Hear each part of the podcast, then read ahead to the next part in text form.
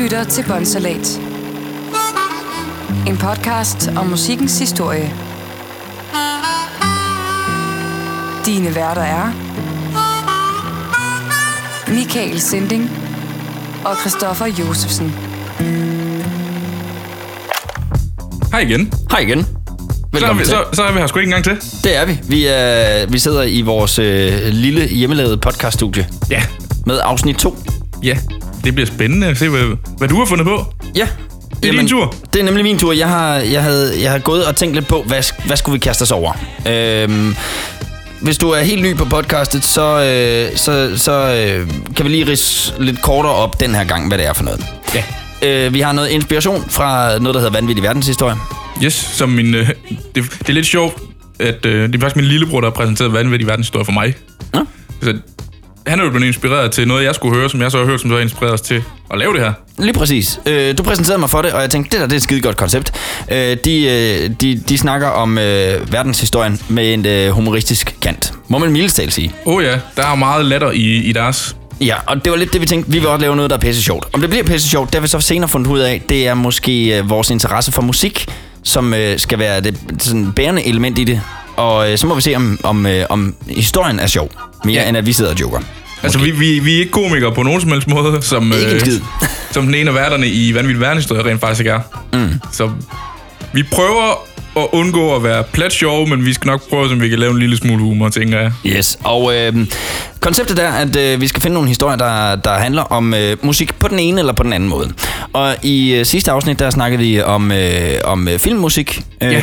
Det var dig, der havde fundet en historie. Vi har lavet et, et, et, et koncept, der hedder, at vi skal hver især øh, komme, vi kører sådan noget brainstorming øh, inde i et Google Sheet-dokument, eller Google-dokument, øh, hvor vi begge to kan skrive.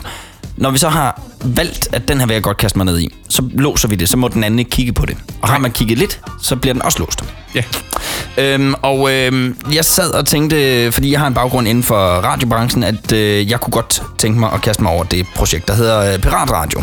Og det tror jeg også er et rigtig godt projekt, øh, et rigtig godt øh, podcast, øh, kunne det blive til, måske. Øhm, Det finder vi ud af på et senere tidspunkt. det, det, bliver nemlig ikke i dag, vi finder ud af det. Det var, det var lidt, der jeg var på vej imod, fordi at... Øh, Øhm, da jeg dykkede lidt ned i det, viste det sig, at der var altså ret meget kød på lige netop det der. Okay, Øh, og så jeg, det var, det var lidt ligesom min filmhistorie, der var lidt dybere, end du lige havde regnet med. Jamen, øh, øh, forskellen var bare, at jeg havde ikke så mange timer til at forberede det. Mm. Øh, på grund af alt muligt andet. Øh, så havde jeg en anden, hvor der også er en masse kød på, men øh, lidt mere en specifik historie, hvor Piratradio dækker over øh, mange ting, der er sket igennem øh, musikverdenen og verden øh, generelt. Ja. Øh, så, øh, så er dagens emne Studio 54.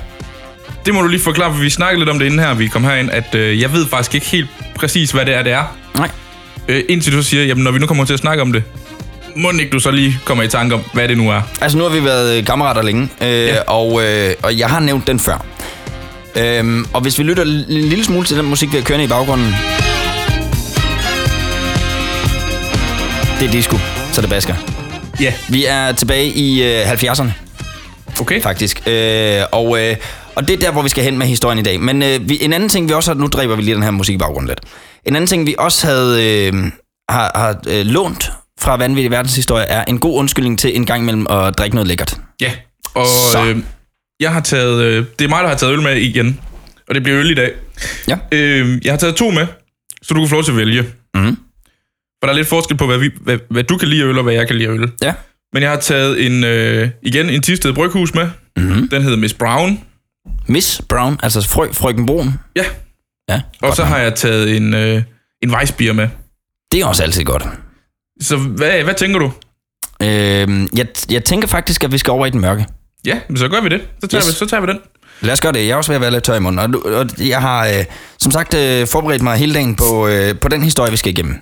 Og, øh, og, og, og der er altså et par sider. Jeg skal nok finde en anden måde at lave, øh, lave manus på, tænker jeg. Fordi den, Den, den dufter godt. hvad dufter den af? Ja, det finder jeg ud af om lidt. Den dufter øl. Ah, det er godt. Det er en god start, når det nu er en øl, faktisk. Den ser, den ser god brun ud. Som man det, siger. det er, som man siger. Du får, Jeg snupper lige den der. du får det første glas. Den, den dufter rigtig godt. Fakt, den har, den har en sød, sødlig duft. Og vi er ikke Ja. ølkender overhovedet. Overhovedet ikke. Jeg ved ikke en skid om øl. Nej, lad os lad være med at kloge os på det. Lad os bare Vi smage smager på den.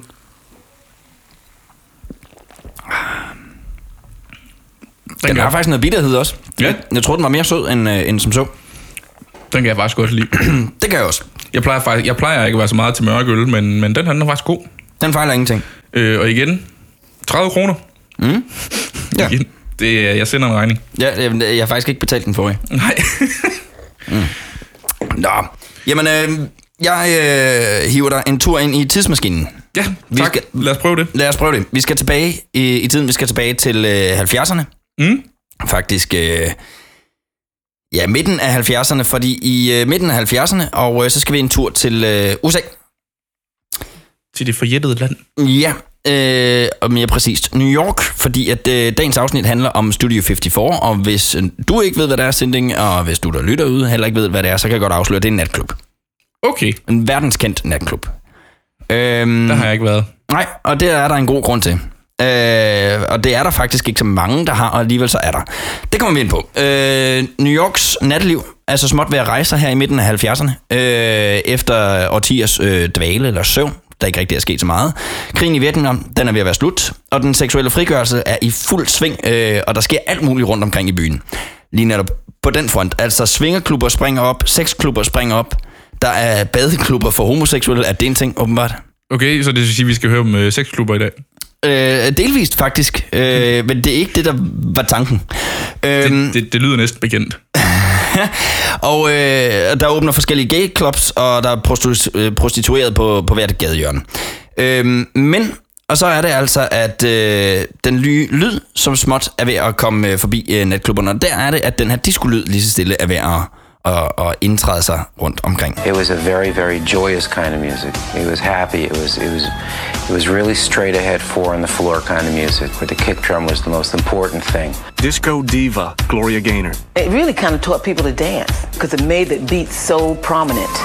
Um, the bass and the drums were so prominent in these songs that it really was, it inspired you to dance. It really inspired you to stay on beat. Disco was for everybody. It was an extension of the society. It was a time where people could forget their nine to five troubles and go out and have a blast. Ja, det var altså nogle af gæsterne, på, øh, på, øh, som, som fast besøgte natklubben her, Ja, okay. som øh, ligesom beskrev, hvordan diskomusikken var i sin Jeg, tid. jeg synes, det er sjovt, de, de snakker om, hvordan det, her, hvordan det inspirerer en til at danse. Mhm. Mm-hmm. Jeg ved ikke, om du lader mærke til, men jeg sad faktisk og rockede med. Det kan noget, fordi det der er med, med diskomusikken, det er det her, det er fall to the floor, det kører bare 1, 2, 3, 4, det er sådan, det, det er pulserende mm. på en måde, som øh, man måske i dag nærmere kan føre over på, på EDM-musikken, som har ført det videre, og det er tit samme øh, tempo, musikken også kører i. Øh, så, så det her med, at det går til reptilhjernen på folk, at det går direkte i, jamen øh, det kan godt være, det ikke er din type musik, men dans til det, det kan man i hvert fald. Det er lidt ligesom øh, psytrance. Ja, det, det går ind og påvirker øh, ja. der fysisk simpelthen musikken. Og, øh, og, og her der hørte vi nogle af gæsterne, jeg ved ikke om du øh, ba, øh, sådan lod mærke til, hvem af de var. Nogle af dem, det blev nævnt også. Øh, blandt andet Gloria Gaynor, den store sangerinde Gloria Gaynor, som øh, Okay. også var en af de faste gæster. Fordi klubben her, som vi kommer ind på, havde faktisk øh, en hel del øh, gæster af lige netop den slags. Øh, den slags her. Øh, diskoklubber, øh, som, som spillede den her diskomusik, øh, skød op af mulden overalt i New York og, og byens forsteder. Men en klub var alligevel en lille smule anderledes. I 1975, der åbnede to unge mænd, Steve Rubel på 31, og han er fra Brooklyn, og så Ian Schrecker på øh, 29 fra Bronx. De åbnede en, øh, en klub, der hed øh, Enhanced Garden i Queens, øh, en forstad til New York City. Øhm, Ian Schrader, han var ejendomsmaler, og Steve øh, han ejede en, øh, en, en kæde af restauranter. Og de mødtes, da de begge to gik øh, på øh, samme øh, universitet øh, dengang. Steve was the outgoing person and the social one, and that Ian was the serious one and the tough guy, the bad guy. Ja, lige præcis. Ian, han var nemlig den sådan seriøse og, og sådan den hårde forretningsmand af de her to, og, og Steve var den lidt mere likable, sociale, sjove type. Ian var en flot øh, fyr, og, øh, og Steve var faktisk vild med ham. Øh, ja, fordi at... Øh, Så det vil sige, at han var homoseksuel. det var han nemlig, men det var lidt et problem, fordi at, øh, det var Ian ikke. Øh, så det kunne godt skabe lidt gnidninger en gang imellem lige det der. Øh, og så har de ellers, øh, på trods af de her forskelle, der var mellem dem sådan seksuelt, og hvad de ellers var gode til hver især, så øh, er det alligevel vokset op med nogenlunde den, den samme øh, baggrund. Øh, de har kendt hinanden længe, og der har ligesom været den der mentalitet med, at jeg skal vise dig.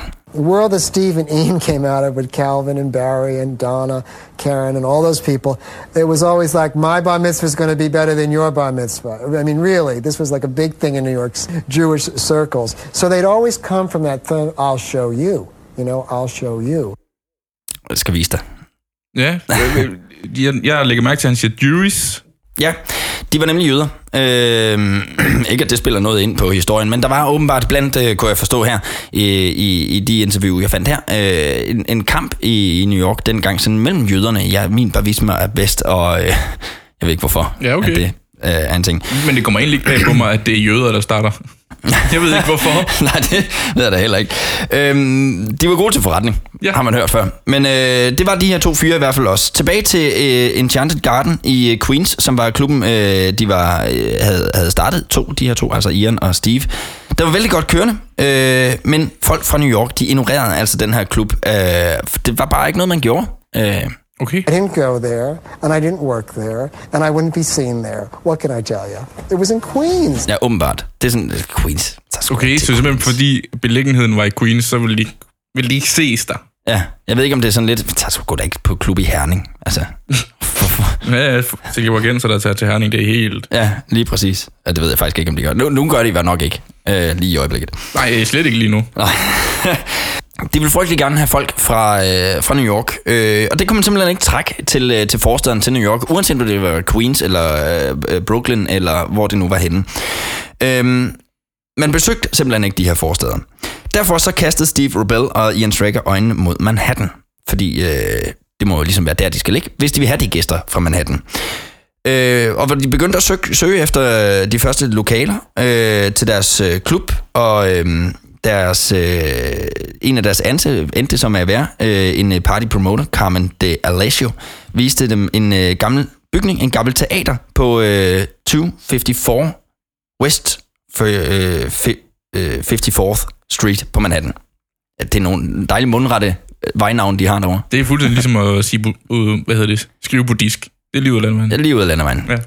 Ja. Øhm, øh, altså lige et hint, hvis ikke at du kender, så er det en, en af de klubber, vi har været arbejdet på ja. Sammen. Øh, og hvis du ikke ved, hvordan det staves, B-O-U-D-I-S-Q-U-E. Lige ud af landevejen. Lige ud af landvejen. Men den lå altså på, øh, på 254 Vest 54. Gade Manhattan, for at fordanske den lidt. Jeg kan godt, jeg kan godt lide, du, du, du prøver lige en gang til. Ja, jeg prøver lige en gang til. Jeg, skal, ja. jeg kan godt. Det er fordi, jeg har skrevet den 10 gange hernede igennem, så den må være der til. Det har jeg ikke. øhm, men de finder altså det, og det der er værd at mærke i, det er selvfølgelig øh, 54, fordi klubben kom til at hedde øh, Studio 54. Mm. Ian og Steve, de faldt med det samme for lokalet, det her gamle teater, øh, og var dybt forelsket i ideen, men var samtidig også en anelse nervøse, fordi at det var også altså noget af et kæmpe projekt at overtage sådan et stort øh, teater inde midt på Manhattan, i forhold til når man var ude i forstaden med en lidt mindre klub. Øh, men de var alligevel ambitiøse og øh, valgte at gå videre med det.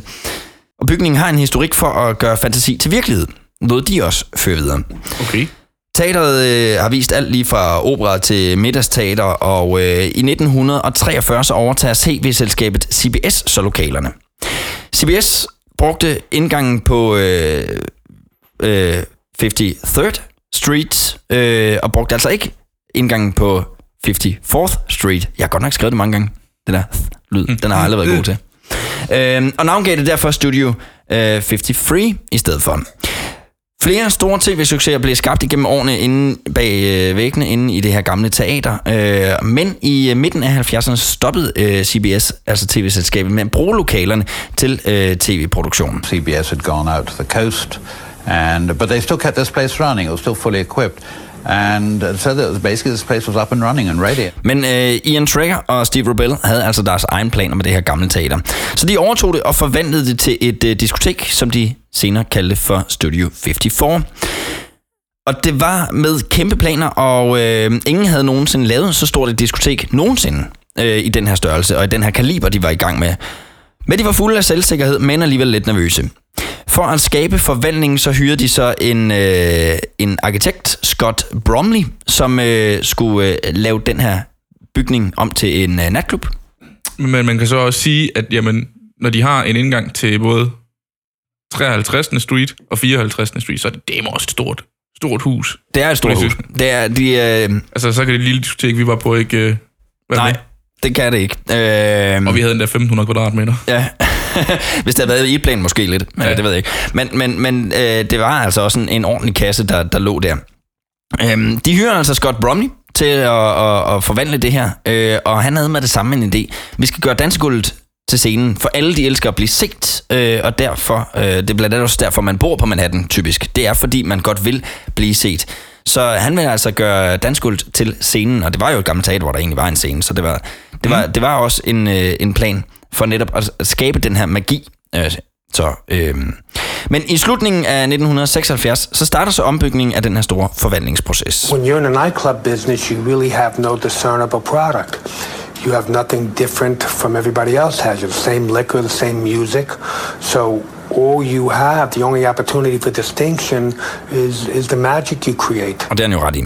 Øh, ja, nu, nu fangede jeg den ikke lige helt, hvad han sagde, fordi jeg havde været mere travlt med at høre, han lispede. Ja, det gjorde han så også.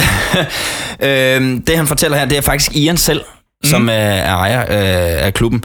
Øhm, han fortæller, at, at det, det, der, det du har at, at skille dig ud fra mængden med, det er ikke alkoholen, for det er den samme alle steder. Det kan godt være, du kører alle brand ind for, for vodka, og, og det er heller ikke så meget musikken, fordi den kan alle også levere. Men magien, det er det, hvor du kan skille dig ud. Altså, selve lokalet, hvad kan bygningen tilbyde dig, hvad kan personalet tilbyde dig, og alt det her, det har han fanget. At, at det er det, de ligesom skal slå sig på. Og det gør de i den grad også. Så Steve øh, havde en meget skarp profil på de gæster, han ønskede, at øh, der skulle komme ind i deres klub. Og det var en lidt skarp profil, særligt med deres egen baggrund. Der måtte ikke komme nogen jøder, eller jøder med jødisk udseende ind på klubben. Okay. Om de var jøder, det var måske ikke så vigtigt, men må ikke se jødiske ud. Øh, og så ikke nogen Bridge and Tunnel people, altså ikke nogen fra de omliggende... Altså, du skulle komme fra Manhattan af. Det skulle man nemlig. Og det er der, hvor Bridge Tunnel, hvis ikke du har hørt det udtryk for, kommer. Øh, mm. Det er nemlig, at, at du skal jo med en bro eller en tunnel, eller over en bro, eller under igennem en tunnel, for, for at komme til Manhattan. Så det var ligesom, øh, at han ville ikke have folk ude fra Manhattan, det skulle være Manhattaner. Man, hedder det det? Manhattan, Ma- Manhattaneser? Hvad hedder det? Google det. Det bliver en anden dag. Ja. Øhm, øhm, men Rebel, han ønskede sig altså en øh, klub fyldt med fabulous people, øh, fantastiske mennesker, flotte mennesker, skæve eksistenser, øh, for at bruge hans ord. Øh, de gik derfor øh, til nogle af byens mest fremtrædende personer og fik lavet en øh, liste på omkring 3.000 mennesker, der skulle øh, være med til at sprede budskabet om, at den her klub den var ved at ulme op, den var ved at starte. Øhm, og med på den her liste, der var altså flere journalister, som øh, lavede sjov med det, og, og skrev, at Studio 54, where are you? Og mente med det, at øh, det var præcis det, New York ikke havde brug for. Endnu et diskotek, endnu en klub, der vil spille diskomusik, endnu et eller andet. Øh, så, så det blev sådan negligeret lidt af journalisterne og aviserne. Øhm, men det var altså nogle af dem, der var på, på den her liste, der skulle være med til at, at sprede budskabet. Nå, men man kan også sige, at hvis selvom de skriver om det, mm. gør folk opmærksom på det. Det er også en form for omtale. Ja, så længe de husker at skrive adressen. Men der kan man sige, at Studio 54 hjælper lidt på den, når du har halvdelen af adressen i dit navn. Ja. øhm, det var det, vi skulle have gjort. Det var det, man skulle have gjort. Lige præcis. Men øh, det gjorde de, og øh, på trods af det her med aviserne, så lykkedes det dem faktisk at komme i gang. Det når vi hen til. Åbningen, det sker den 26. april 1977. Flere af de tidligere ansatte fortæller, at det hele var meget hektisk inden åbningen, og hvis man nogensinde har været med til at åbne en natklub, så ved man, at det er altid meget hektisk inden åbningen af en natklub. Ja, vi skal lige være sikre på, at malingen den er tørret, ikke? Man skal være sikker på, at gæsterne ikke stiller sig, hvor man ved, at malingen ikke er tør, når vi åbner. Præcis. øh, og, og det var også det, der foregik her. 45 minutter inden åbningen, der fløj øh, de ansatte og håndværkere og, og rengøringsfolk, de fløj rundt i lokalet som hovedløse høns, og øh, ganske kort før åbningen, så går strømmen simpelthen i øh, barområdet inde i diskoteket. Så alle, de må ud på gaden og øh, hente øh, stearinlys, hvor de nu kan finde det ved forskellige andre forretninger. Så de øh, flyver rundt i det nærliggende kvarter og henter stearinlys ind, øh, for at kunne have noget lys i øh, barområdet. da de så kommer tilbage til, øh, til selve, øh, de var gået ud af bagdøren, og da de så kommer tilbage til bagdøren, så øh, står der øh, nogen og spærrer vejen. Det kan ikke komme ind. Nå. Der står en øh, super lækker babe, og en øh, ordentlig klipper af en fyr, som er hendes kæreste. Og de vil altså ind først. og, lad, og lad mig gætte, det er nogen, man ved, hvem er. Nej, det er overhovedet ikke. okay. Nej, nej, der var, nej det, det er bare nogen, der står i vejen. Det sjove er bare, at, at øh, de ikke kan komme ind på deres egen klub igen lige pludselig. Og det er ganske få minutter før de skal åbne. Det så lykkes så faktisk ved, at Ian han øh, tager fat i den her pige øh, og løfter hende væk. Hvilket gør den her fyr sur, så han flytter sig fra døren, så de kan komme ind. Ah, Øh, hvad hedder det? øh, Scott Bromley, som øh, var arkitekten bag, han er også en af dem, der er ude og hente stearinlys. Øh, og, øh, og for så forklaret den her fyr, at hvis ikke de kommer ind, så kommer de altså heller ikke ind. Øh, og, øh, og, og de kommer så ind alligevel. Udenfor, der er der i den grad også hektisk på ved selve hovedindgangen. Nu var det her jo bagindgangen. ja.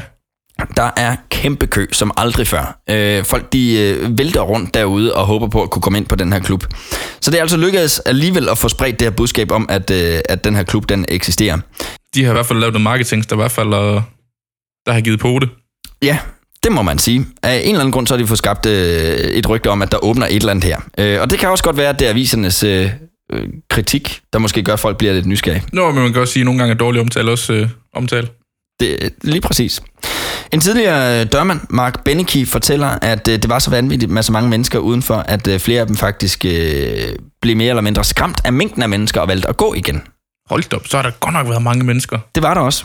Øh, ejeren Ian Schrecker og Steve Robel havde ramt hovedet på sømmen her. Klubben, den var øh, et hit fra allerførste aften. Men de vidste endnu ikke rigtigt, hvad det var for en monster, de i virkeligheden har skabt. For det var det nemlig. Det var ved Okay. at løbe ud af hænderne på dem selv allerede næsten fra start. Man kan sige, at nu, nu kommer vi begge to med en baggrund fra discobranchen, ikke? Altså, det er, jo, det er jo det, vi håber på, hvis vi åbner diskotek, at vi får dag et bare pakket. Lige præcis. Det er altså ikke altid, det lykkes. Nej. Øhm, det var ikke uvandt for Ian og Steve at øh, drive nattesteder. Øh, de havde som sagt ejet den over i Queens, øh, og også haft andre øh, natbeværkninger. Øhm, men øh, intet kunne altså forberede dem på den reaktion, de fik her på åbningsaften. Alle stjernerne i byen og omegn havde valgt, at det var den aften, de skulle gå i byen, åbenbart, og på deres klub. Hold op. Det er blandt andet, og nu nævner jeg kun en lille smule her, det var blandt andet sangerinden som Cher. Øh, det var øh, modellen Marcus Hemingway. Det var Brooke Shield øh, og Donald Trump øh, og Ivanka Trump, blandt andet også. Øh, og Village People. Hold da op. Det, er, altså, det, det er nogle vilde Gloria navne. Gaynor. Altså listen var lang over folk, som øh, tænkte, det er i aften. Vi, vi skal på klub. Altså, det, er også, det, det er også noget af et trækplaster, man kan smide på første dag, at det, jamen, vi har haft dem og dem inden. Altså listen med de 3.000 mennesker har været de 3.000 fuldstændig fucking rigtige mennesker. Det, det, må, det er altså et promotersystem, der har virkelig har givet på det. Lige præcis. Øhm, sjov ballade, det var nøgleordene, øh, og, og stedet emmet af magi. Øhm, det, først, øh, det første, man kom ind, når man øh, kom ind øh, og, og så, det var noget materet glasdør, hvorefter man øh, kom ind til en mand, som sagde 15 dollars. Og øh, så fik man en billet, så gik man videre til endnu en dør. Øh, Hvad, nogle- 15, 15 dollars, hvad er det omregnet til danske? Ej, vi skal også tilbage i tiden. Øh, jeg ved ikke, hvad det har været. En, har det været en 150 kroner? 200 Ja, det er, ikke- det er ikke, fordi det- virker sådan skræmmende meget. Nej. 15 dollars, øh, og så skulle man gå endnu et par meter, og så nåede man hen til en, en ny dør og en ny mand, som øh, tog den billet, man lige havde fået. Øh, derefter så overtog den utrættelige rytme af disco-lyd, den her Four to the Floor beat, der bare kigger afsted derudad. Man blev suget ind i selve natklubben af den her lyd, og det første, man mødte, når man kom ind, var et kæmpe barområde øh, med indbygget vandfald, omgivet af loungemøbler, hvor folk hang ud. Længere inde i rummet øh, var, var det helt store, pulserende lysshow og dansegulv. Lysshowet, der øh, var formet af forskellige ting, altså jeg der har har kørt op og ned øh, fra loftet, det var, altså lampen var bevægende. Øh, det, lysshowet kørte ned fra loftet og op igen. Ja. Det har jeg hørt om før. Nå? Jeg har også set video af det. Men det har ikke været fra... Jeg tror ikke, det har været Nej, fra... det tror jeg er den mexikanske natklub, du tænker på der. Det tror jeg også, ja. men der, der har de jo også lyset, der bevæger sig op og ned i forhold til... Nej, nej, vi er tilbage i 80'erne, øh, ja. 70'erne faktisk jo. Ja, ja. Øh, så vi er ude i rotorblink og blinkende lys og neonlys og, og, og den slags. mange parlamper. Og ufattelig mange parlamper. Øh, for nu bliver det næsten... Øh, nu, Det bliver lidt nørdet. det bliver lidt nørdet. Øh, det, det, hvad kalder man det? Ligner en teaterlampe lidt. Ja. Yeah. Ja. Øh, men men øh, sådan meget analog lys og, og med mekanik, der fik det til at bevæge. Øhm, og, og, og alt det her, det var altså det var det største, det var det nyeste, det var det mest fancy. Danskuld var at betragte som hjertet, og disco-musikken var hjerterytmen. Og det var ligesom det, der førte det igennem. Magien blev hjulpet lidt på vej af professionelle dansere, cirkusklovne, øh, øh, drag queens, og, og gæsterne elskede det. Pressen fortalte om det, og ejerne nød godt af det på det her tidspunkt. Det er sådan et sted, jeg, det vil jeg det med gerne besøge. Det lyder ja. åndssvagt spændende. Og selvom Jeg, jeg tror, jeg er født i et forkert årti. Jamen, det har jeg sagt tit, at jeg også er.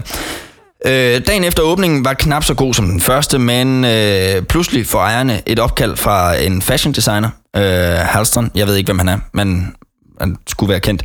Øh, mandag aften skal jeg holde en fødselsdagsfest for Bianca Jagger øh, for omkring 30 personer. Øh, jeg tænkte på at tage dem alle sammen ned på Studio 54, siger han.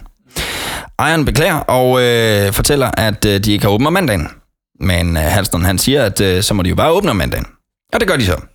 Det er fandme også arrogant bare at sige, prøv at jeg skal bruge jeres, jeg skal bruge jeres lokaler åben. Ja, øh, de har så nok alligevel tænkt lidt, øh, ejerne her, vi skal alligevel nok gøre noget for at få folk ind. Så de laver temafester. Det bliver en række af temafester. Vi kommer ind på det lidt senere med de vildeste, ondeste, sygeste temafester, hvor de går all in. Øh, det går vi, kommer vi til. Det er det, næste, det næste projekt, vi laver.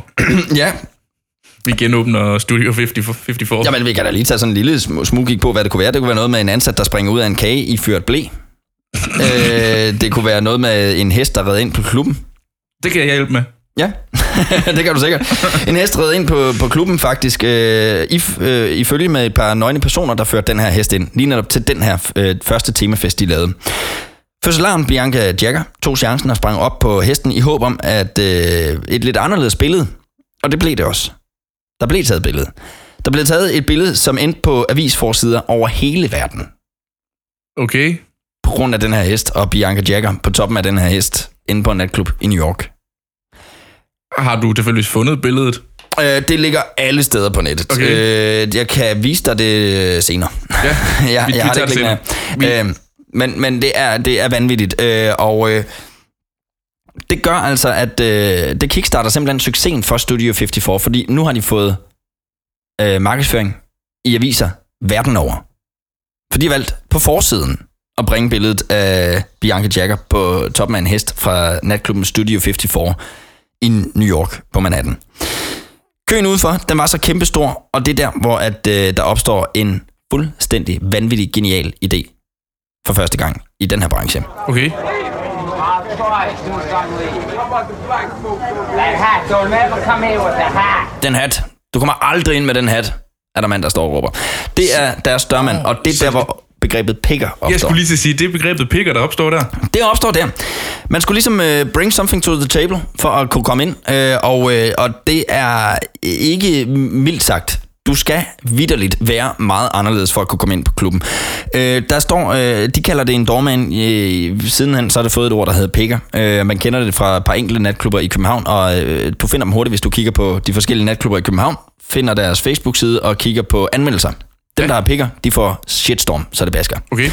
Øh, ikke, jeg tror rent faktisk, det virker. Fordi det, de gør her, det er, at de udvælger jo øh, spændende, interessante personer. Det kunne for eksempel være en, øh, en kvinde, der kommer iført øh, øh, brudekjole og et par plastikhunde slæbt efter sig i snor. Øh, Det er Okay. bud på en, der kommer ind. Øh, det kan være folk i øh, ingenting. Det kan være folk i læderjakke. Det kan være en trokker, bare fordi det mangler vi. Det var lidt som øh, flere af de ansatte, de beskriver det som om, at det var en audition hver aften til at skulle være gæst. Så du skulle ligesom, øh, du skulle vise, at, at du var noget andet, noget der manglede inde på klubben. Så det vil sige, at hvis der var tilpas mange i det her spot, den her, øh, den her stilling, den er optaget, den her rolle er ud besat, jamen så kunne du ikke komme ind. så man, man skulle faktisk være lidt en, også lidt en flamboyant type de valgte meget ud på netop, at man var flamboyant. Mm. De valgte meget ud på, øh, hvilken personlighed du havde, øh, og udseende, og øh, om du var høj, lav til mænd, eller til kvinder, eller til begge dele, eller hvad det nu var. Øh, det, var det var simpelthen et, et spørgsmål om at få udfyldt paletten af mennesker, og så var der en, der valgte det ud. Det, og det er sjovt, det, det, nu snakker du om det der med de københavnske klubber, der bliver shitstormet af en anden verden, fordi du kan ikke tillade dig at gøre det i dag. Det er diskrimination i dag. Ja, det kommer nok an på, hvordan man gør det. Øh, men, det- ja. Men, men altså, ideen er jo meget god. Fordi ja. det, det, det skaber, det er jo netop en magisk stemning. Fordi magien er jo meget båret ad, tænker jeg, af, af den stemning, som menneskerne, altså gæsterne, de bringer med. Øhm, og, og det er... Det er jo, øh, altså det, der, er det, det er jo ligegyldigt at have verdens fedeste klub, hvis det er en flok røvhuller, der er derinde. Oh ja. Øh, selvfølgelig hjalp det lidt, hvis du var kendt. Det var ingen garanti. Og så hjalp det rigtig meget, hvis du var europæer. Hvorfor lige europæer? Ja, det tænkte jeg også. Men europæer, de var åbenbart, når de så endelig var i byen i Manhattan, så var de ligeglade med, hvad penge var. Øh, og øh, de øh, var frisindet. Det har vi jo altid været kendt for i Europa. Altså, Rigtigt. er det ikke kun her, der er nudiststranden? Jeg, jeg, tror, jeg tror, du skal lede rigtig længe for at finde en i USA. Ja, det går, jeg ved faktisk ikke, om det findes derovre. Men, men, men europæerne bliver i hvert fald nærmest per automatik lukket ind. Øh, men Studio 54, de øh, brager altså derud af, på trods af en lidt off-placering, for det er nemlig faktisk det, de har valgt. Deres placering er ikke sådan en hotspot på Manhattan. Det var der, de fandt et lokale, men det var ikke hotspot, for det, der ligger omkring, det er pornobiografer. Det er øh, bordeller, det er, det er sådan lidt et crappy kvarter, hvor det her det er sprunget ud. Der er faktisk ikke rigtig noget interessant i kvarteret, ud over Studio 54.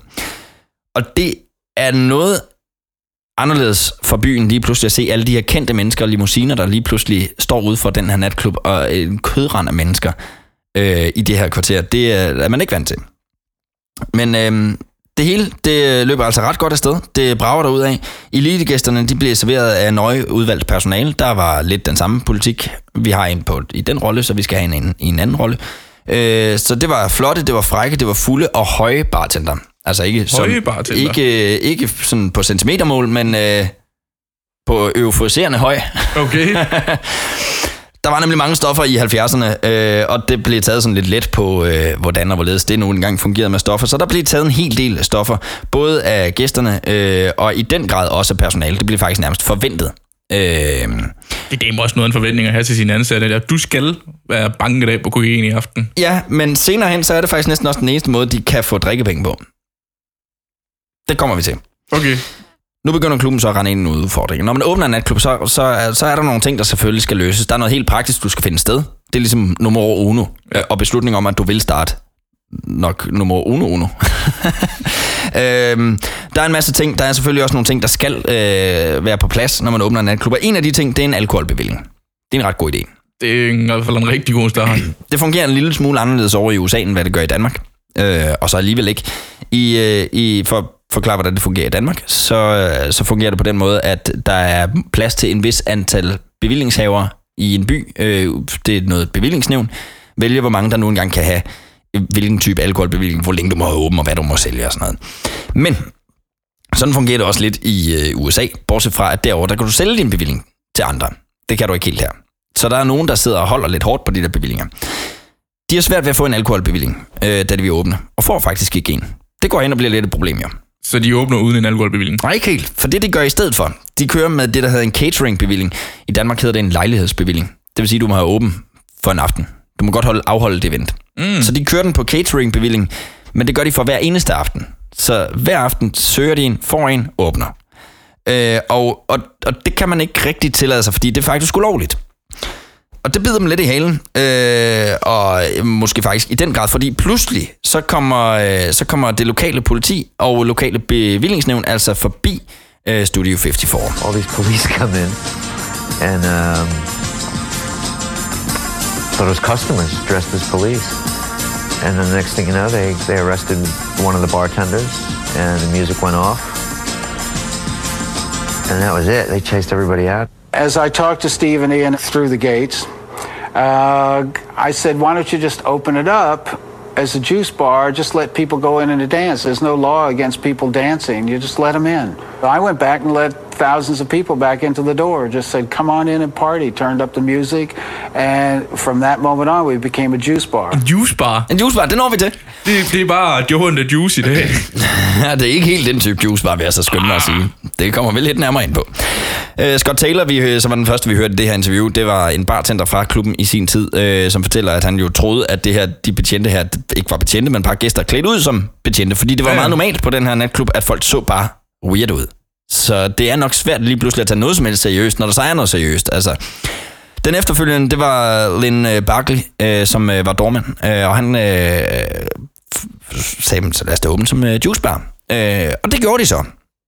Så nu har du altså verdens allermest kendte natklub, der lige har været på visen forsider over hele verden.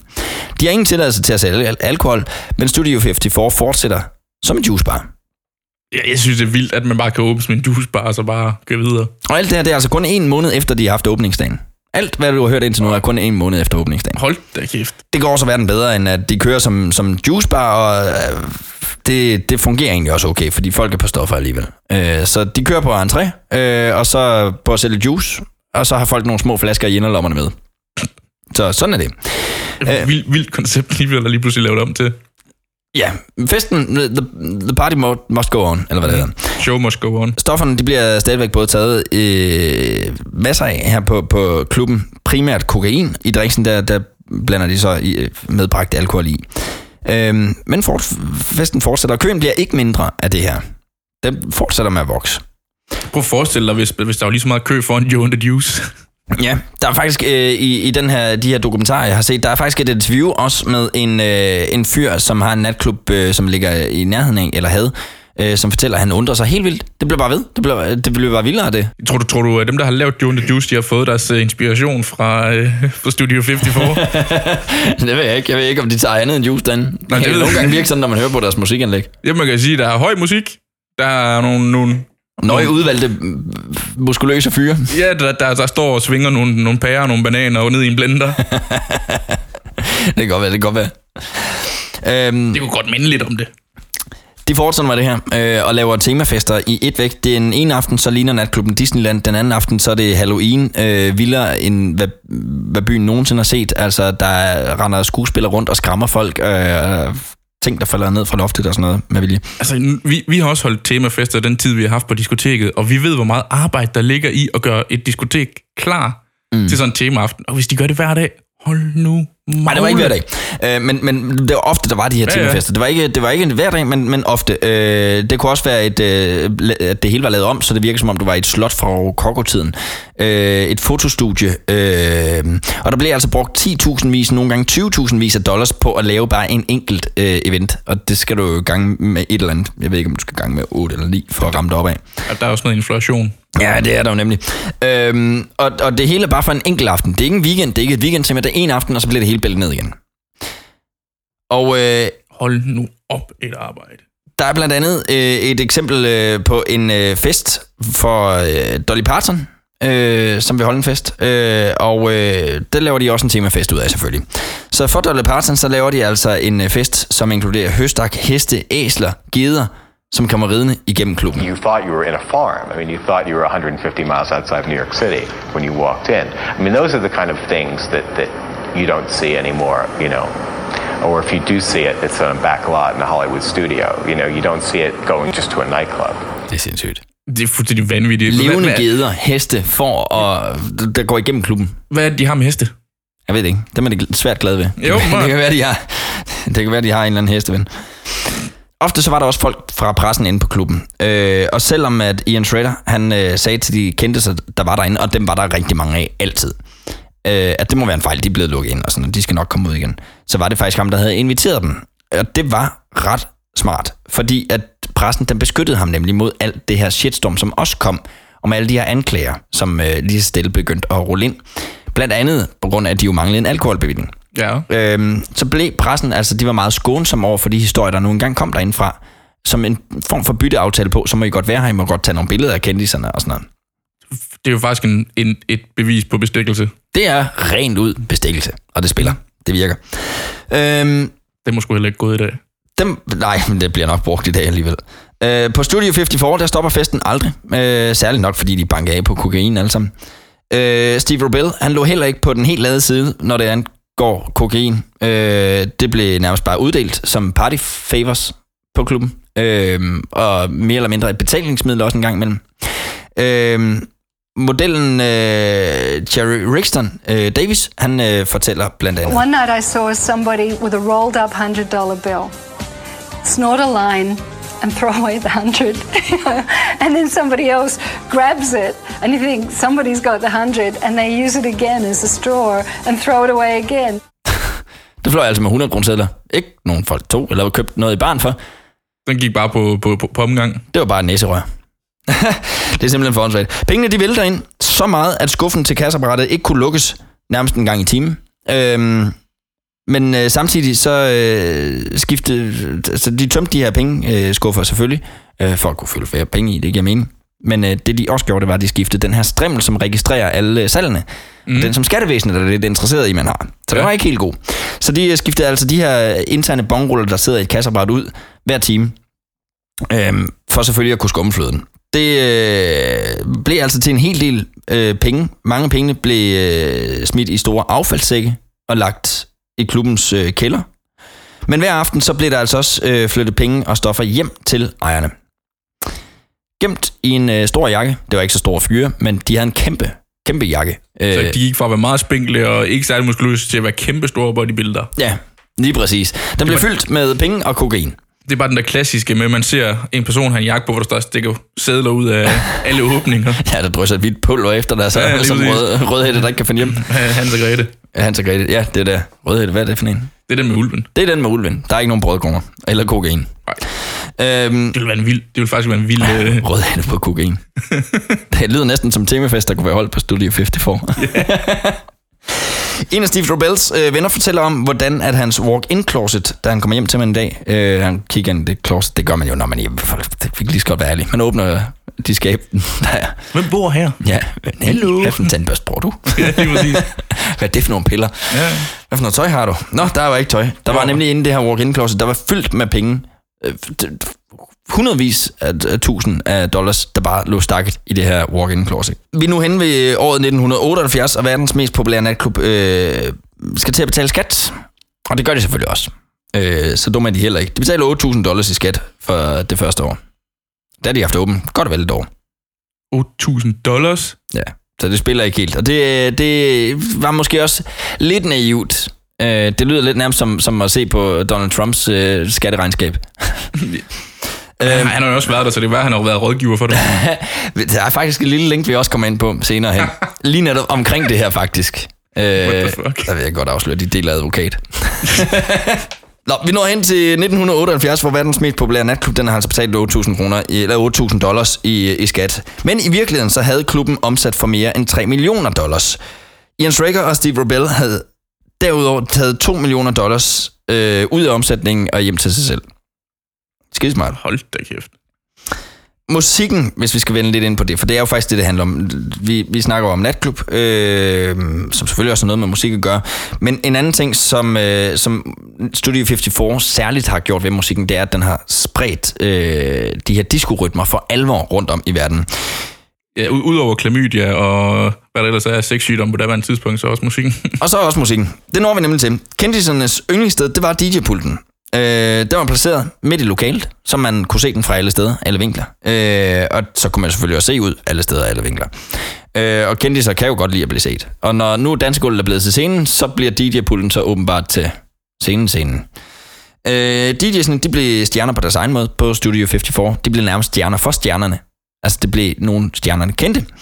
Øh, DJ's i slutningen af 70'erne øh, op igennem 80'erne har også været vanvittigt vigtige for musikindustrien. Det har ligesom været dem, der skulle bane vejen for et hit og, og, og få det skubbet ud til folket og få det testet af, øh, hvor radiostationerne ofte førhen i tiden har først øh, kastet sig over et hit, når det var lykkes på natklubberne.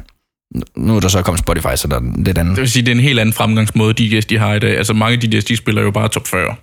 Ja, der er mange DJ's, de spiller jo det, der er, er ja, top 40 hits, altså ja. det, der er blevet hits. Øh, der er så, øh, gudskelov, stadigvæk, i særligt i nicherne, øh, ja, der, der er stadigvæk i nicherne, der er der jo øh, DJ's, som, som spiller for eksempel inden for housemusikken, der er det DJ'en, der bærer det frem stadigvæk. Man kan sige, der er, der er også stadigvæk heldigvis mange, som, som du og jeg, der spiller andet end top 40. Mm. Øh, Når vi må spille. ja, når vi må spille uden for top 40. En af dem, som øh, lidt kaster sig over de her DJ's, det er en, der hedder Gloria Gaynor. Øh, hun øh, brugte Studio 54's DJ, de, han hed øh, Richie Corsar. Richie Corsar. Øh, og hun brugte ham til at promovere sin musik, særligt B-siden af hendes øh, plade, som hun havde lavet her.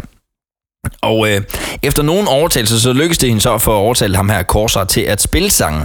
Og sangen, det var I Will Survive. Okay, vildt. Så At det var, en, B, at det var en B-side. det var en øh, B-side, og der var ikke nogen, der ville spille den, Nu, nu, men han vi, ville. Vi skal nok lige forklare, hvorfor vi siger B-side. Ja. Fordi det, var jo ikke, øh, det er jo ikke CD, og det er ikke Spotify. Bare til, hvis der er meget unge lytter, der kommer til at Ja. høre det her. Øh, det var jo vinylplader. Og hvis du ikke ved, hvad en vinylplade, så prøv at spørge dine forældre. Ja, lige præcis. Øh, det var sådan lidt... Øh, der var A-siden, det var det bedste. B-siden, mm. det var sådan lidt, sådan an, lidt, anden sortering-agtigt, og det var det jo ikke. Men altså, det, du havde muligheden for at lægge lidt ekstra på, hvis du lige vendte det hele. Ja. Øh, og, og der var det altså den her.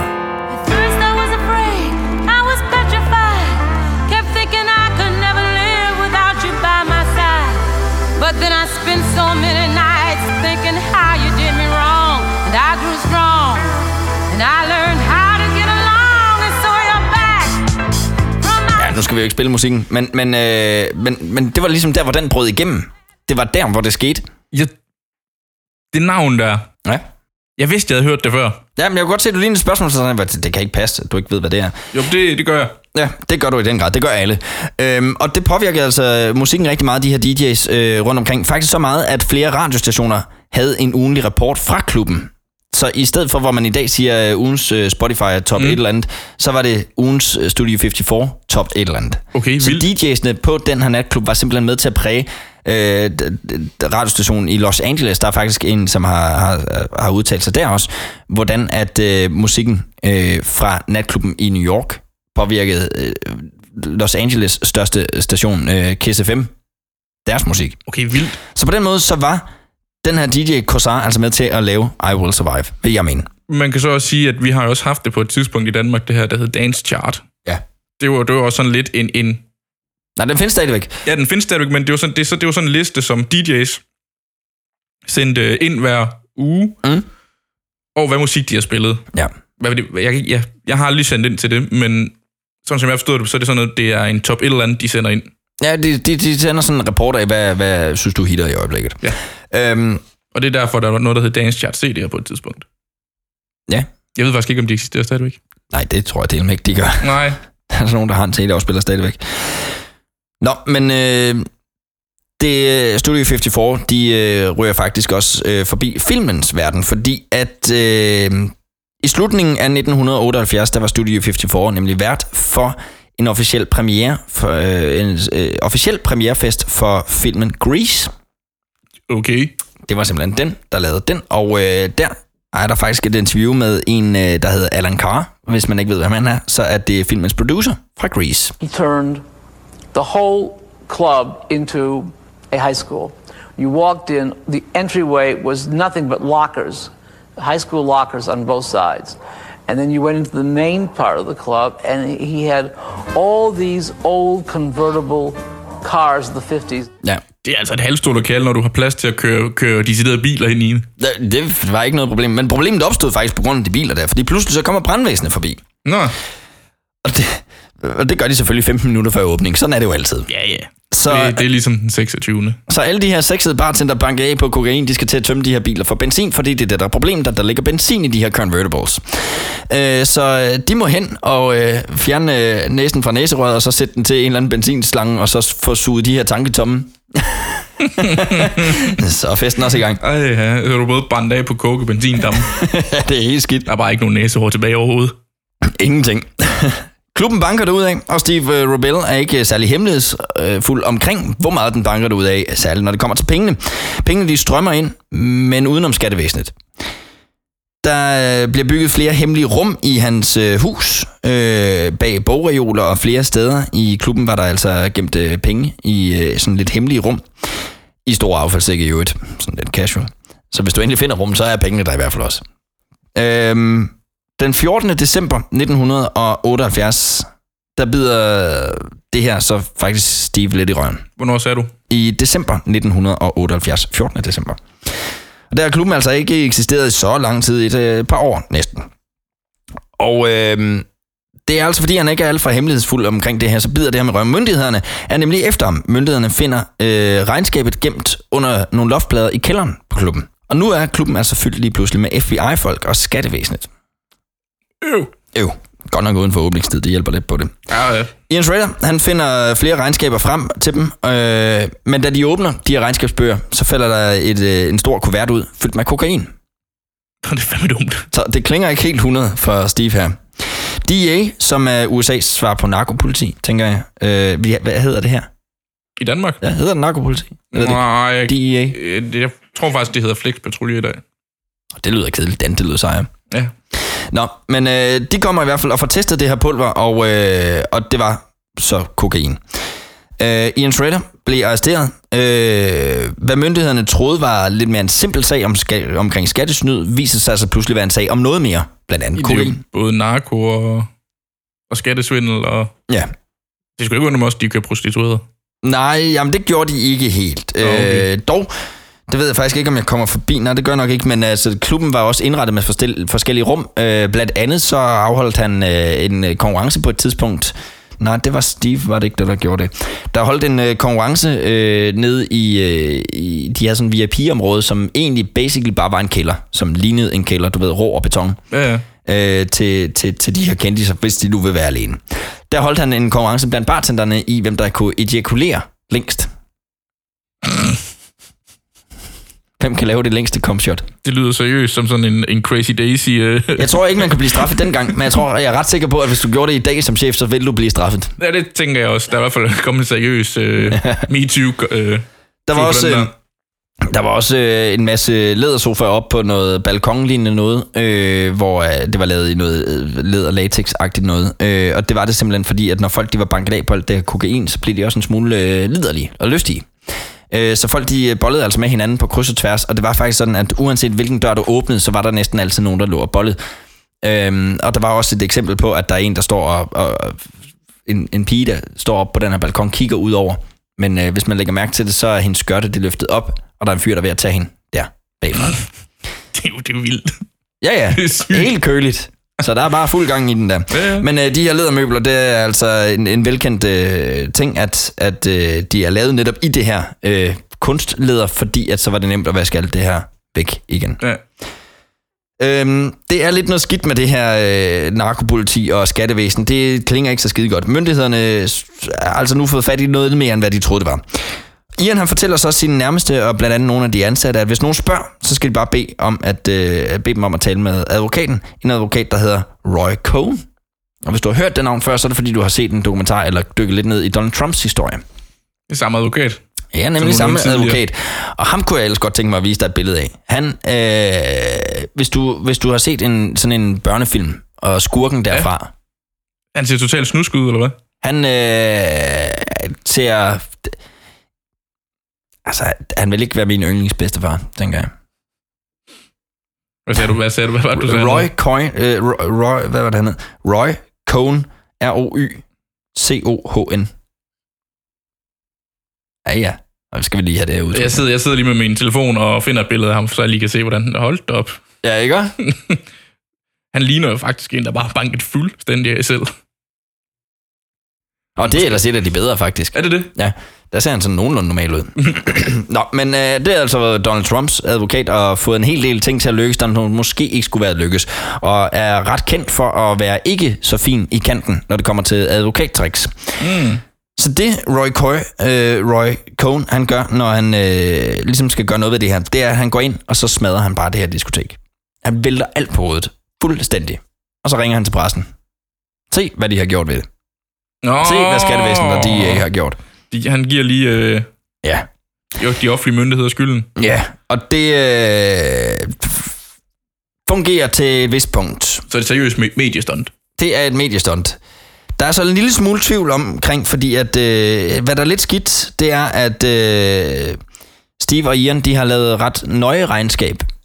Det er selvfølgelig meget godt, hvis man laver det ordentligt. Øh, men de har også holdt nøje regnskab over, hvem der har fået hvilke party favors. Hvem der har fået hvilke kokain, og hvor meget af det, og hvornår. Og øh, der er ret mange kendiser, og ret mange øh, statsfolk, og ret mange journalister på den liste der. Så er vi i gang med noget blackmailing. Så det kunne Roy, Roy. Cohn, Cohn. Ja. Det kunne han godt bruge til noget også. Fordi at det, der er umiddelbart, og det er lidt ude på rygtebørsen, men lad os nu tage den med, så kan det blive rygtestiv videre her i 2020. Mm. Øhm, han var lidt ude efter... Øh, han var stor støtte af en præsidentkandidat på daværende tidspunkt. Øh, men en af modstanderne, hvad hedder det, en af dem, der også stillede op til den her post, øh, var, øh, havde blandt andet været på den her klub og øh, taget en hel del øh, kokain og øh, købt det der igennem. Så han figurerede på det der regnskab, så den her liste faldt sådan tilfældigvis ret godt i pressen. Ah. Det var så til gengæld ikke skide godt for natklubben, fordi at nu er det lige pludselig lækket, at den her lange liste over kendiser, mm. over statsfolk, over advokater, over alle mulige mennesker, som havde øh, taget kokain eller forhandlet med det på en eller anden måde inde på den her natklub, øh, det blev lækket. Det bliver man ikke så populær på, når man har en natklub. Nej, det kunne jeg i hvert fald ikke forestille mig. Nå, men det går altså ikke sådan skide godt for Ian øh, Schrader og, og, og, Steve Robel længere. Øhm, de øh, må efterhånden se, at, øh, at altså, folk tror lidt på, at øh, det, det går nok, men det viser sig efterhånden, at, at det, det er nok mere åbenlyst end, end som så, at det går nok ikke det når, det når nok ikke godt ind, det her. Øh, men i mellemtiden så skruer Ian og Steve altså bare endnu mere op for festen. De begynder at lave øh, gratis gratisfester. Øh, ikke okay. gratis at komme ind, men der er bare fri alkohol, der er fri af det hele, fri kokain. Fri bar? Ja, ja, vi lukker ikke. Øh, det har faktisk også været sådan temaet generelt, at de lukker jo ikke rigtigt. Øh, men når vi når frem til den øh, 2. november 1979, så bliver Steve Rubell og Ian Shredder så kendt skyldige i skattesnød. Øh, men i et forsøg på at få nedsat straffen, det kunne man jo lige så godt lige prøve, ikke? Jo, jo. Der slavede vi om alle venner i brand- branchen. øh, det får man ikke flere venner af. Jeg skal sige, de brænder mere og mere deres egen øh, bror. Det gør de. Det lykkes øh, dem dog alligevel, mærkeligt nok, at få nedsat straffen fra øh, 3,5 års fængsel til 2 års fængsel, hvilket stadigvæk er en lang straf. Men det er også ret meget at skære af, så jeg tænker, der har også været nogle gode ting, de har fortalt. Hvad end de har fortalt, oh, det ja. ved vi jo så ikke. Øhm, og i øh, januar 1980, så lukker klubben så med en kæmpe farvelfest. Den største fest, de nogensinde har lavet. Der er ikke rigtig noget at fortælle om den fest, men åbenbart den største. Så fra 77 til 1980, der var vi altså forbi. Øh, hvad der, Det, det er vildt, hvad de har opnået på tre år. det er helt sindssygt. Altså, når jeg lige tænker tilbage på de tre år, vi havde på, øh, ja. inde på diskotek, hvor vi var. Ja. Det er jo vanvittigt, det der i forhold til, hvad vi, hvad vi øh, nåede at lege med. Jamen, der er lidt flov over, man ikke nåede det. Ja, altså, lige- der har der ikke været nogen hest eller ged igennem lokalet. Nej, lige præcis, men jeg tænker ikke, i hvert fald ikke, øh, ikke narkodelen, og heller ikke øh, skattevæsenens del, den kan vi godt und- undgå. Ja, lige præcis. Men, øh, men, men, men det var altså historien om øh, Studio 54. Vanvittig historie. Hvis man nogensinde har gået med ideen om, at det kunne være fedt at lave en natklub, så findes der en dokumentar derude. Øh, vi kan linke til den i shownoterne. Mm. Øh, og det er også derfra, hvor jeg har suget inspirationen her. Øh, og når man ser den, så bliver man simpelthen alle de her gæster, som har været der. Og som jeg har bragt en masse interviews af fra Mm. den dokumentar også. Øh, man, får, man får godt nok lyst til at være der. Jeg sidder også bare og tænker, at nu, nu, nu, nu som DJ, jeg har været DJ i 15 år, ikke? Altså, mm. jeg sidder og tænker, det havde jo kulminationen på mit DJ-liv, at få lov til at stå og spille på den klub. Og fuldstændig. Det er lidt ligesom, øh, vi nævnte i sidste, øh, sidste afsnit, det der med Tomorrowland, det er enhver DJ's våde drøm.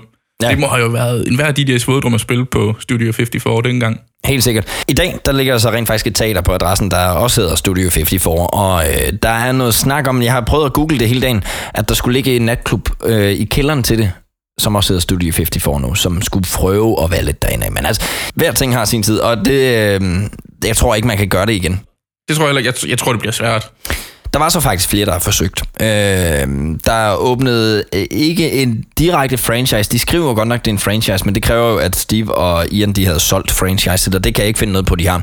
Men der åbnede flere øh, kopier, vil jeg hellere kalde det. Joe and the Juice. Ja, det er altså en franchise. ja, ja, det var det, jeg tænkte. men, men der er åbnet flere kopier rundt omkring i, i USA øh, derefter. Den sidste skulle umiddelbart være lukket, og så er der jo så den kælder, der er lidt hen i det uvisse. Mm. Vi må tage det over og finde ud af det. Og så findes der en øh, radiostation, øh, som man kan høre på satellit, hvis man er i USA, som øh, styres af det radionetværk, der hedder Sirius. Øh, det er satellitradio, det er lidt specielle ting, der kun er i USA. Ja. Øh, men øh, der er der også en radiostation på kanal 54, der hedder Studio 54, som spiller musikken fra den gang, og med øh, DJ's fra den gang, faktisk. Okay, vildt. Ja. Det kunne være sjovt at prøve at finde den frem på en eller anden måde. Det kan du sagtens. Du kan høre den på nettet, men det er med betaling. Det er det gode ved satellit, der kan du lukke alle ud bag en betalingsport. Ja. Men så kan du glæde dig over, at det her det er gratis. Ja. Og lytte til os. Ja, vær glad for det. Ja. Og vi kommer heller aldrig nogensinde til at tage penge for det. Nej, det tænker jeg ikke. Nej. Det tænker jeg ikke. Det var, det var simpelthen øh, dagens historie omkring Studio 54, mm. øh, natklubbens øh, godfather. Altså, vildt, vildt spændende. Øh, en, altså, jeg er jo super betaget af nattelivet også, fordi vi, altså, vi har begge to baggrund for nattelivet, ikke? Altså, det vi lavede på det diskotek, vi var arbejdet sammen på, synes jeg var fedt. Mm. Men jeg vil også gerne have været med til det der. Ja, lige præcis. Det, det, ikke, det kunne have været rigtig sjovt. Det kunne være rigtig sjovt. Ja. ikke, ikke, ikke lige narkodelen, men, nej, nej, nej. men alt det andet, ikke? Altså, det, hold nu kæft nogle fester, mand. Jeg, jeg, tror- jeg, jeg, synes, vi har haft nogle vilde fester inden også. Ja. Øh, men, med nogle af de kunstnere, vi har haft på. Ja. Altså, men det der, Men vi har aldrig nogensinde puttet penge i plastiksække og gemt dem i kælderlokaler. Nej, Den vi har, vi, har tømt, vi har tømt vores kasseapparater en gang mellem i løbet af natten for at opbevare til senere. Ja, det har nok mere været sådan for en sikkerheds skyld. Ja. Det har sgu ikke været, fordi kassen ikke kunne lukke. Nej. Der er et billede af den, hvor kassen den kan ikke lukke. Vildt. Ja. Det er sindssygt. Man kan få nogle, så, så, nogle gode Google-billeder, øh, hvis man går ind på Google og kigger lidt efter Studio 54. Det dukker op som noget af det første. Jeg, jeg, jeg googlede lige øh, det her billede med den her hest. Mm. Fandt du den? Ja, ja. Ja, ja. Den er der. Ja. Nå, jamen, øh, tusind tak, fordi du lyttede med. Vi, ja. øh, jeg ved ikke, om vi er her næste uge, eller så næste uge igen. Det må, Det må vi kigge på. Vi må se, hvor, hvor meget vi når. Ja. Tak for det.